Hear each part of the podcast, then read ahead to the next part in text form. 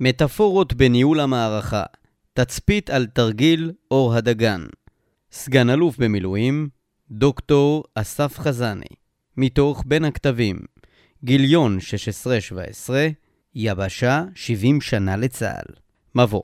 תרגיל אור הדגן הוא השם שניתן לתרגיל של הגיס הצפוני בפיקוד אלוף תמיר היימן ושל פיקוד הצפון בפיקוד אלוף יואל סטריק ושנערך בספטמבר 2017 ודימה מלחמה מול חיזבאללה בדרום לבנון. למשך יומיים תורגל גם המטכ"ל. בתרגיל השתתפו עשרות אלפי אנשי צבא בסדיר ובמילואים, ממספר אוגדות ומעשרות חטיבות וכוחות מאגף המודיעין, התקשוב, חיל הים, חיל האוויר, פיקוד העורף, שתרגל פינוי אוכלוסייה מיישובים מאוימים, כוחות הנדסה, עוקץ וכוחות אגף הטכנולוגיה והלוגיסטיקה. סיפור מעשה התרגיל נפתח ביוזמה התקפית של האויב, במקרה זה חיזבאללה, שחדר ליישוב בגליל באמצעות עשרות לוחמים מיומנים מפלוגות רצ'ואן, ובחסות מתחי פצמ"רים כבדים, תפס בני ערובה. כך חיזבאללה פתח במלחמה שאליה הגיבה ישראל בשלושה שלבים שתורגלו. בימים הראשונים מגננה שכללה תקיפות נגד ופריסת כוחות מגינים בקו המגע במקביל למהלומה אווירית. בשלב השני תורגלה התקפה הכוללת תמרון יבשתי נרחב, ובשלב השלישי, שינוי משימה לאור התפתחות בתמונת המצב. במאמר זה אבקש להתמקד בשתי מטאפורות שבהן מפקדים עשו שימוש בתרגיל אור הדגן, ושסייעו להם בפיתוח רעיונות ובדיון בדילמות מרכזיות בתרגיל. במהלך התרגיל שימשתי קצין הלמידה של הגיס, וכך התאפשרה לי נקודת תצפית מעניינת על חלק משמעותי מתהליכי הפוש, בנוהל הקרב ובניהול הקרב. מטאפורות אלו אינן כללי עשה מוגדרים דוגמת הציוויים של עשה ואל תעשה בתורה הצבאית. המטאפורות הללו הן הקשרים שבהם המפקדים עושים שימוש, ובעיקר שפה שבה הם מתבטאים, דרכה הם מבינים את המציאות ולאורה הם מקבלים החלטות או בוחרים בהמלצות. המטאפורות הן חלק מהמנגנונים המאפשרים למפקדים לחשוב באופן יצירתי. החשיבות של מטאפורות היא היכולת להעשיר את המחשבה הצבאית להפוך את צורות היסוד של הקונסטרוקציה הצבאית ליצירה, לאומנות, אומנות המלחמה. המטאפורה הראשונה היא מטאפורה כלכלית, היא נוצרה תוך כדי התרגיל בשבוע הראשון, הגנה, והעיר אותה מפקד הגיס. אני רק ארחיב את האינטואיציה של מפקד הגיס שנזרקה לחלל האוויר לכדי טיעון שלם, והראה את פוטנציאל ההשפעה של הקונספט הזה הן על מהלך התרגיל והן על השיפוט של אפקטיביות התרגיל. המטאפורה השנייה הייתה מעולם האינסטלציה. מטאפורה זו בלטה כבר בשלב נוהל הקרב, תוך הצגת התוכניות של אחת האוגדות, וביתר שאת במהלך התרגיל בשבוע השני, התקפה. גם ברעיון זה אנסה לחשוף את ההשפעה של המטאפורה הן על מהלך התרגיל והן על השיפוט של אפקטיביות התרגיל.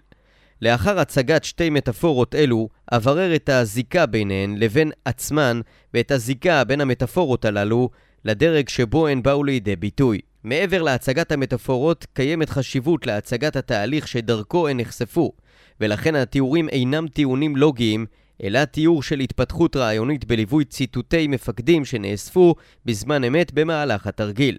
ערך נוסף למאמר הוא בתיעוד התצפית עצמה אף ללא ניתוח מלווה, תרגיל של תמרון בסדר גודל כזה נערך לעיתים רחוקות, וקיימת חשיבות היסטורית לתיעוד התהליכים המלווים אירוע מסדר גודל כזה, מעבר לשקפים ולפקודות שנותרו במערכות השליטה והבקרה.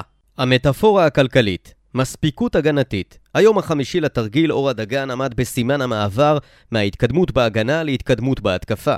ערב לפני כן, בהערכת המצב, הורה מפקד הגיס להתחיל לבצע פעולות שיקדמו את השלב הבא בתרגיל. דומיננטיות השחקנים בתרגיל השתנתה. אחת המסגרות שלקחה חלק משמעותי בשבוע הראשון נותרה במשימת ההגנה מחוץ למרכז העניינים, ומסגרת נוספת החלה להיכנס לתרגיל. לאחר התארגנות במפקדת הגיס, הלכנו לבקר את המפקד שהיה אחראי על משימת ההגנה. המושג המרכזי שאליו התייחסנו בביקור היה מספיקות הגנתית, שלתחושתי אינו ברור דיו. המאוג נותר כעת בצל, והוא נדרש לוודא עם עצמו ועם הרמה הממונה שיש לו מספיק, אבל כמה זה מספיק? מהו הרפרנס, נקודת הייחוס של מספיק, והחשוב ביותר, מספיק לבצע איזו משימה. ביררנו את הסוגיה יחד עם מפקד האוגדה. באותה עת, כשהתרגיל התקדם וחייב הגנה והתקפה במקביל, שאלת המספיקות קיבלה בולטות. סוגיית המספיקות היא כאין מחבר בין משימת ההגנה למשימת ההתקפה.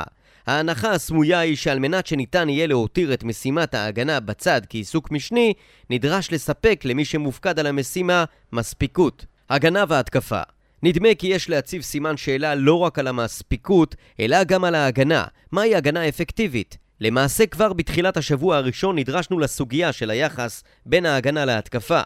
בפתיחה לתרגיל הועלתה אפשרות של הצלחות מקומיות של האויב בשטחנו, האויב מחזיק שטח לפרק זמן משמעותי ואף מבצע פיגוע רב נפגעים.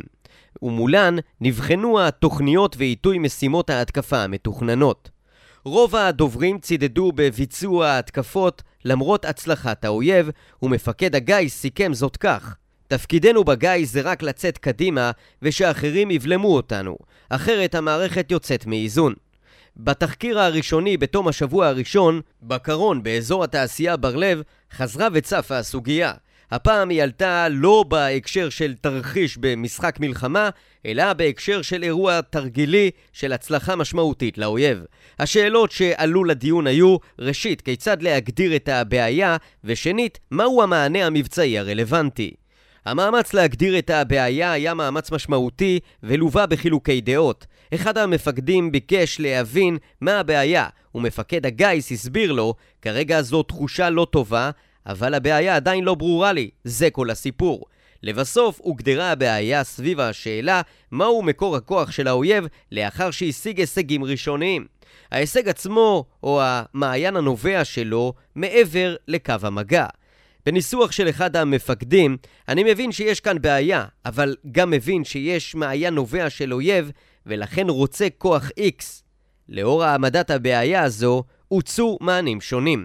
הגדרת הבעיה הייתה ניסוח אפשרי של הקשר שבין ההגנה להתקפה.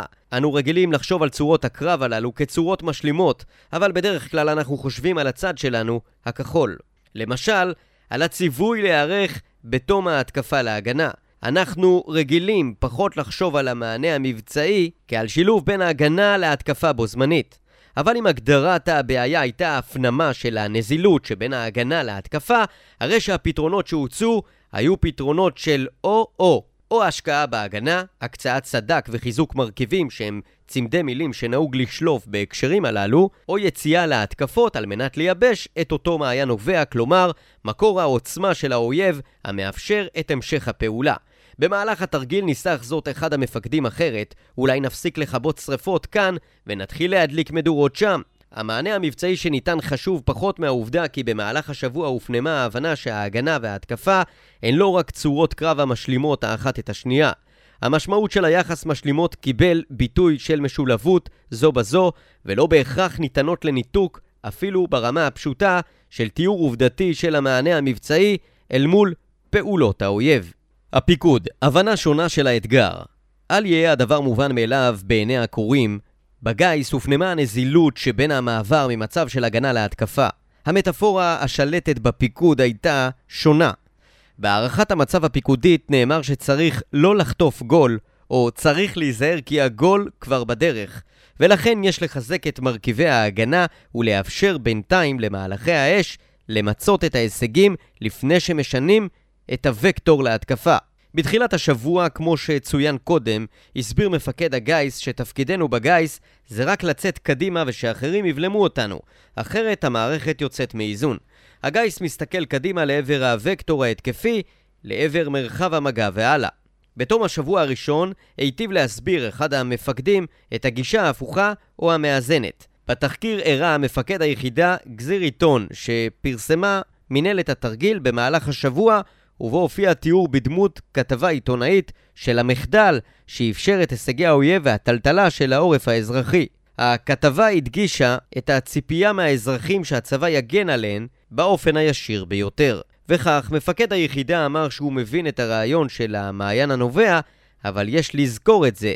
אמר והוציא את העיתון, העיתון הוא הזה, ולכן צריך להשקיע בהגנה. סיכום ביניים אם כן, אתגר ההגנה ואתגר ההתקפה בתרגיל היו מפורקים. הבעיה הוגדרה כקשר שבין ההישג כאן, בשטחנו, השמדת האויב, בקרב ההגנה, לבין המעיין הנובע שם, בשטח האויב. למרות הבנת קשר זה, הפתרונות שנקטנו היו או מיקוד בהגנה או מיקוד בהתקפה, מתוך הבנה כי המערכת תאזן את עצמה. כלומר, שהפיקוד ידגיש את ההגנה, הגיס ידגיש את ההתקפה, והתוצאה תהיה ניגוד משלים, מספיקות הגנתית והשקעה מניבה. אל מול גישת או-או, או מיקוד בהגנה או מיקוד בהתקפה, בשלב המעבר בין ההגנה להתקפה, בביקור המתואר לעיל, עלה קונספט שונה שניצניו בלבד קיבלו ביטוי בתרגיל, אך הוא עשוי לאפשר את המילוט מהבינאריות של או הגנה או התקפה. כשסיימנו את הביקור במעבר בין השלבים, פנה אליי מפקד הגיס וחלק איתי את המחשבה הבאה. כדאי לחשוב על ההגנה בהקשר של חשיבה כלכלית דרך השקעה מניבה. צריך לבחון את הקשר שבין השקעה לתוצאה. בפסקאות הבאות אשחק עם המונחים הכלכליים כפי שיכלו לבוא לידי ביטוי לו היינו מאמצים חשיבה של ניהול הון סיכון. הון הם המשאבים המושקעים, ולאחר מכן הרי כיצד המטאפורה הכלכלית מאפשרת להימלט מהבינאריות של או-או. השקעה מניבה. אם ההבנה היא, הגול כבר בדרך, ובכל מקרה נקבל גול, מה הטעם להשקיע עוד ועוד כוחות בהגנה? אם ההנחה כי חזקה על קו המגע שייפרץ, מה הטעם בהשקעה אינסופית של כוחות בחיזוק ההגנה? הרי בדומה לחשיבה הכלכלית, יש לחשוב על התשואה. אם ההשקעה מותירה אותנו ללא רווח, קרי ללא הישגים מבצעיים, הרי שהפסדנו. זאת בזמן שיכולנו להשקיע במשהו אחר עם פוטנציאל לרווח. כלומר, השאלה הרלוונטית אינה אם כן מהי מספיקות, אלא כיצד לעשות השקעה, כלומר, אופן השקעת המשאבים. היחס בין תשואה וסיכון. הנחה בסיסית בהשקעות היא שקיים יחס ישיר בין תשואה לסיכון. המענה המבצעי בגזרות השונות נחלק על רקע תמונת המצב לפינוי האוכלוסייה. מקום שממנו פונתה האוכלוסייה, הרי שמדובר היה בהשקעה במניה שאינה מהווה סיכון, ובמקום שבו שהאוכלוסייה נותרה במקומה, הרי שהמדובר היה בהשקעה במניה מסוכנת. אמנם בצד הסיכון תמונה הייתה גם הזדמנות גדולה, שהרי במקום שבו יש אוכלוסייה, סביר שהאויב יחשוף את עצמו. כלומר, לבחירה המסוכנת יש פוטנציאל רווח גבוה יותר, הבא לידי ביטוי בהישגים מבצעיים לכוחותינו. בד בבד, יש להציב ביטחונות, עתודות, מול סיכון כזה. זמן נהוג לומר שזמן שווה כסף. המתח היה בין טיפול מיידי באתגר המבצעי הדורש שינוי סדרי עדיפויות במשימות והקצאות צדק לבין המשך לפי התכנון. טיפול מיידי עם כוח יהודי יפתור את הבעיה בזמן קצר, אך יפגע בהכנות למשימה הבאה, התקפית. את היחס לזמן ראוי להשוות אל מול שני אתגרים. לאחת המסגרות יש זמן, משום שהאיום עליה אינו משמעותי בשלב זה, בעוד מסגרת אחרת מתמודדת עם איום מיידי בגזרתה, ולכן אין לה זמן. תוך כדי התרגיל הייתה הבנה בגיס ובאוגדה שהתמודדה עם הישגי האויב בגזרתנו, כי אין צורך להשקיע עוד כוחות בפתרון הבעיה. כלומר, אין להפנות סדק ממשימות אחרות. כך הסביר מפקד היחידה שהתמודד מול האתגר. ייקח עוד זמן, לא רוצה להשקיע בזה עוד סדק. הבעיה היא זמן ולא כמות או איכות סדק. רק מפקד צוות התכנון הגייסי התריע כי כרגע הגיס לא עומד במשימתו בניגוד לעמדת האוגדה, אז אין זמן. יש זמן או אין זמן. בתחקיר בסוף שינה מפקד היחידה את עמדתו, הייתי צריך לבקש ממך להביא את הכוח הספציפי לפתור את זה יותר מהר. בביקור המתואר שהעלה על נס את השאלה של המספיקות ההגנתית, הגדיר מפקד הגיס כחלק מהנחיותיו את העיקרון הזה. יש זמן, והזמן הוא מה שמייצר את היתרון. אל מול מפקד היחידה שהתמודד מול הישגי האויב וטען שאינו נדרש להשקעת סדק, הסביר מפקד הגיס, הפתרון הוא בתגבור, מיידי. כלומר, בגישה של מפקד הגיס, זמן אינו ייצוג של תקתוק השעון. הוא אינו משאב יקר שהכל עטים עליו לנצל אותו היטב, אלא זמן הוא ישות דינמית בהקשר. במקרה של אוגדה אחת, תקתוק השעון מייצג את הזמן העודף ולכן הוא יתרון.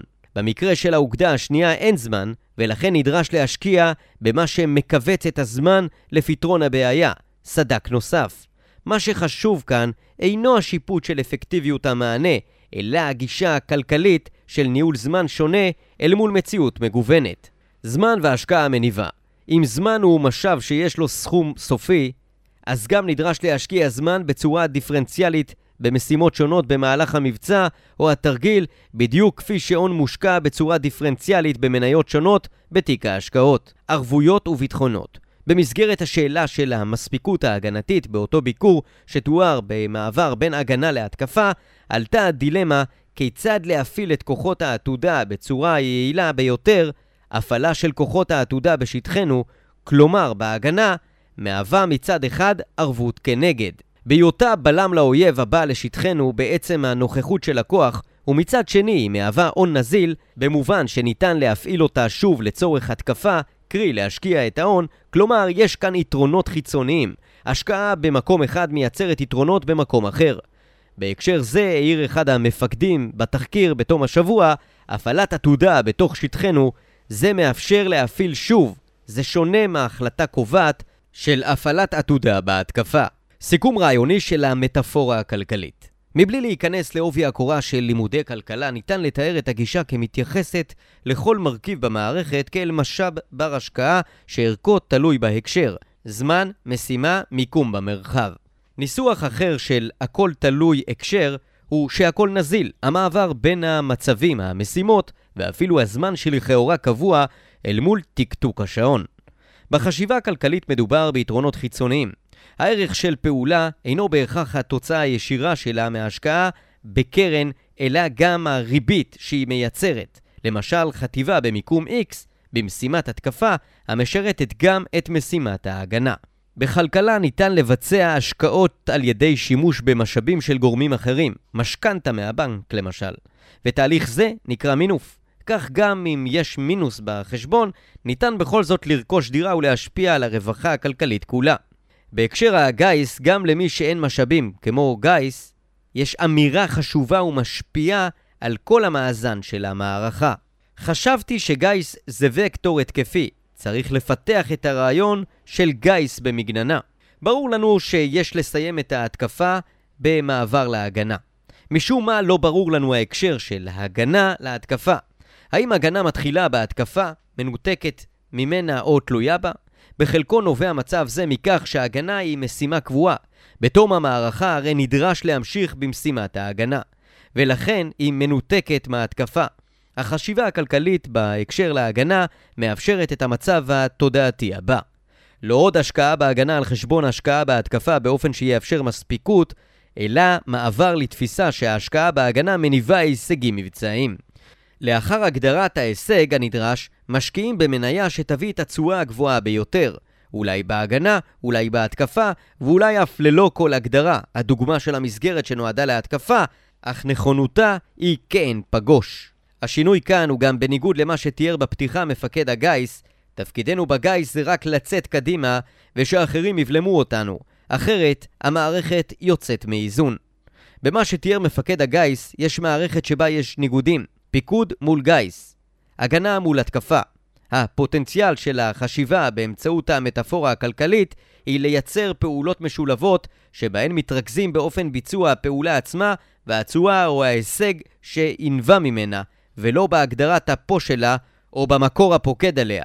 במצב הפותח שאותו תיאר מפקד הגיס, לכאורה, נכפה על הגיס או הפיקוד להביא את הגישה המסורתית אחרת, המערכת תצא מאיזון. ואכן נדרש שינוי, אותו היטיב להמשיג רמת הגיס בפורום הלמידה הפיקודי בסוף השבוע הראשון. חשבתי שגיס זה וקטור התקפי, צריך לפתח את הרעיון של גיס במגננה. מודל האינסטלציה בתיעוד הקפדני של קורות התרגיל התחלתי רק עם הפתיחה הרשמית של התרגיל. במהלך נוהל קרב שרבטתי מדי פעם לעצמי הערות קצרות. לאחר שלב הצגת התוכניות של אחת האוגדות, רשמתי לעצמי לברר את השימוש התכוף הנעשה באוגדה במינוח הצנרת. האוגדה תרגלה חיכוך פנימי בהספק גבוה, ונדרשה באמת לעבור בתוך צנרת, צירים ומעברים הכרחיים. השימוש התכוף בביטוי צנרת בלט בצורה ניכרת. בעוד שבשאר האוגדות השיח עם מפקד הגיס היה שיח בשפה צבאית נטו, ואם מפקד האוגדה נדרש להסביר למפקד הגיס או לשכנעו בנחיצות פעולה וכדומה, הוא השתמש תמיד בביטוי הצנרת. בשבוע הראשון נפגשנו עם מפקדי האוגדות, שביניהן יהיה החיכוך המשמעותי, ומפקד האוגדה הצליח לשכנע את מפקד הגיס בעמדתו. לעצמי שרבטתי הערה שמפקד האוגדה מסופק מאוד מבחינה מקצועית שהוא מסודר עם הפיזיקה והצנרת. מפקד הגיס הפטיר לעברי, זו פעם ראשונה שהוא ניסה לשכנע והצליח, כי כל נוהל הקרב הוא רק הציג, השתכנעתי. כלומר, המטאפורה כמצביעה על פתרון, בהקשר בעיה קונקרטית, סייע לשכנע את מפקד הגיס. בשבוע השני היה היום השלישי, יום קריטי מבחינת השפעת מידת העמידה בהישגים עד אותה עת על מנת להחליט על אופן המשך ביצוע המשימות. בשיח המפקדים בבוקר, הסתייג מפקד האוגדה מאחת ההצעות בנימוק, הצנרת לא סגורה וצריך המשך. בהמשך אותו יום, בשעה 10:30, בביקור בחפ"ק האוגדתי של מפקד האוגדה, הוא שחרר אוויר והודיע למפקד הגיס כי מסגרת פלונית התחברה למסגרת אלמונית, יש לנו צנרת אחודה. מכאן ואילך, חלק ניכר ממאמצי האוגדה היו להסדיר את הצנרת כחלק מהמשימות שלה. להדגש ששם מפקד האוגדה על הפיזיקה ועל הצנרת הייתה תוצאה מרשימה. כמעט רוב הרק"ם עמד בכבוד במשימת התמרון, ולקראת סוף התרגיל הניף מפקד האוגדה את ידיו בגאווה מקצועית וביקש שנסתכל סביב ונראה את העיר שנבנתה פה ואשר מפקד פלוני אחראי עליה. הזיקה בין שתי המטאפורות הערכת איכות התרגיל. בסיכום הראשוני לאחר התרגיל עלתה לדיון הסוגיה של איכות, ומפקד אוגדה שחווה בשיא העוצמה את המחירים של המעבר בין ההגנה להתקפה, שיבח את המיקוד של התרגיל או בהגנה או בהתקפה, וטען כנגד האמירה הבאה שנאמרה על ידי מפקד אוגדה אחר. צריך שתהיה לצבא מודעות לפיזיקה. באופן אישי, הרגשתי שהתרגיל נגמר באמצע, ופעם הבאה לבחור האם הגנה או התקפה כי זה מפספס את היכולת למתוח עד למקסימום את המערכת. מפקד האוגדה טען כי התרגיל הציף את המתח המערכתי. שני המפקדים ראו במוחה מערכת, וכל אחד מהם חשב עליה באופן שונה. שונות המגלמת את האתגרים שמולם הם ניצבו בתרגיל, ואת המטאפורה שבאמצעותה הם חשבו על האתגרים בתרגיל. האחד ראה במערכת את המתח שבין המשימות השונות באופן טבעי ומחויב בשגרה למשימת ההגנה, והקפיצה לשבוע ההתקפה כבר מתחה את המערכת מבחינתו באופן משמעותי וחשפה את המתחים הפנימיים שבתוך המערכת, במיוחד גמישות. לכן דווקא על בסיס האתגרים שלו צמחה המטאפורה הכלכלית העשויה לסייע באופן חלוקת המשאבים בין ההגנה להתקפה. השני ראה במערכת את היכולת שלה להתרחב, כלומר באופן ביצוע המשימה, באופן טבעי ומחויב בשגרה למשימת ההתקפה, ובדרך כלל הצנרת הרלוונטית למשימה הזו אינה מתורגלת כלל, ולכן מבחינתו היה כאן פספוס. וכמובן ששני המפקדים צודקים, ושתי המערכות הללו קיימות בו זמנית. הזיקה בין המטאפורות לבין הדרג שבו הן באו לידי ביטוי, המטאפורה הכלכלית נהגתה בדרך הגיס. הגיס, כמו יועץ השקעות טוב, הוא דרג שאין לו הון של עצמו. אין לו משאבים של עצמו, המשאבים נמצאים באוגדות ובפיקוד, ויש הסבורים שבדרג הגיס אין צורך כיוון שאין לו משאבים. לגיס יש רק את היכולת לחלק אותם בצורה שונה, אבל כדאי לראות בהיעדר המשאבים גם יתרון, הזדמנות ליצירתיות של זה שאין לו. תחת טרדת המספיקות, המטאפורה הכלכלית עלתה כאופציה שלא באמת מומשה בתרגיל, של רעיון עם השלכות פרקטיות על חלוקת הסדק והמשימות. היכולת של המטאפורה הכלכלית דרך ההשקעה המניבה היא להאכיל רעבים מסיר שאינו קלה. היא כמעט יכולת ניסית. מודל האינסטלציה נהגה בדרך האוגדה. המשקולת הפיזיקלית ניצבה לפתח האוגדה, ולכן אך טבעי הוא שהיא זו שפיתחה את המטאפורה. סיכום לפרק זה חשיבות מעבר לעניין המקצועי במטאפורות עצמן. המטאפורה הראשונה, המטאפורה הכלכלית, לא באה לידי ביטוי אמיתי בתרגיל באופן מלא. החשיבות בחשיפה שלה היא ביכולת לראות כיצד עשויים לנבוט רעיונות. מהו ההקשר המייצג את המצוקה המביאה בתורה לפתרון כזה או אחר. צבא אינו ארגון אינטלקטואלי אקדמי. לרוב נהוג לחשוב שצבאות בכלל, וצה"ל בפרט, נגועים תרבותית באנטי-אינטלקטואליות. אבל צבא הוא ארגון חושב, ומצוקה מבצעית אמיתית עשויה להנביט פתרונות יצירתיים. המטאפורה השנייה, מודל האינסטלציה, הוצגה בפני הגיס כרעיון סגור ושלם. החשיבות של חשיפת המטאפורה היא ביכולת לראות כיצד ניתן לשכנע באמצעות רעיונות או מטאפורות. ניתן להעריך כי גם מפקד האוגדה חווה מצוקה כלשהי ופיתח את המטאפורה. אך אני לא הייתי חשוף לכך, והמטאפורה הוצגה כשלם. היכולת של מפקד האוגדה לשכנע את מפקד הגיס כרכה יחד מצוקה אופרטיבית, חיכוך משמעותי בין אוגדות, עם פתרון שלם ויכולת הצגה בהירה, מטאפורה הולמת, ולכן העיר מפקד הגיס, השתכנעתי. לתמרון בסדר גודל משמעותי ביבשה, יהיו את המאפיינים שנחשפו במאמר ועוד. אלא שהם יהיו עצומים פי כמה וכמה בזמן אמת. הגמישות המחשבתית שתידרש גם בזמן אמת, תהיה תלויה גם ביצירתיות של הרעיונות שינבעו מתוך המציאות, המטאפורה הכלכלית, מתוך ההתהוות שלה, וגם ביכולת לשכנע באמצעות טיעונים מנצחים, מודל האינסטלציה.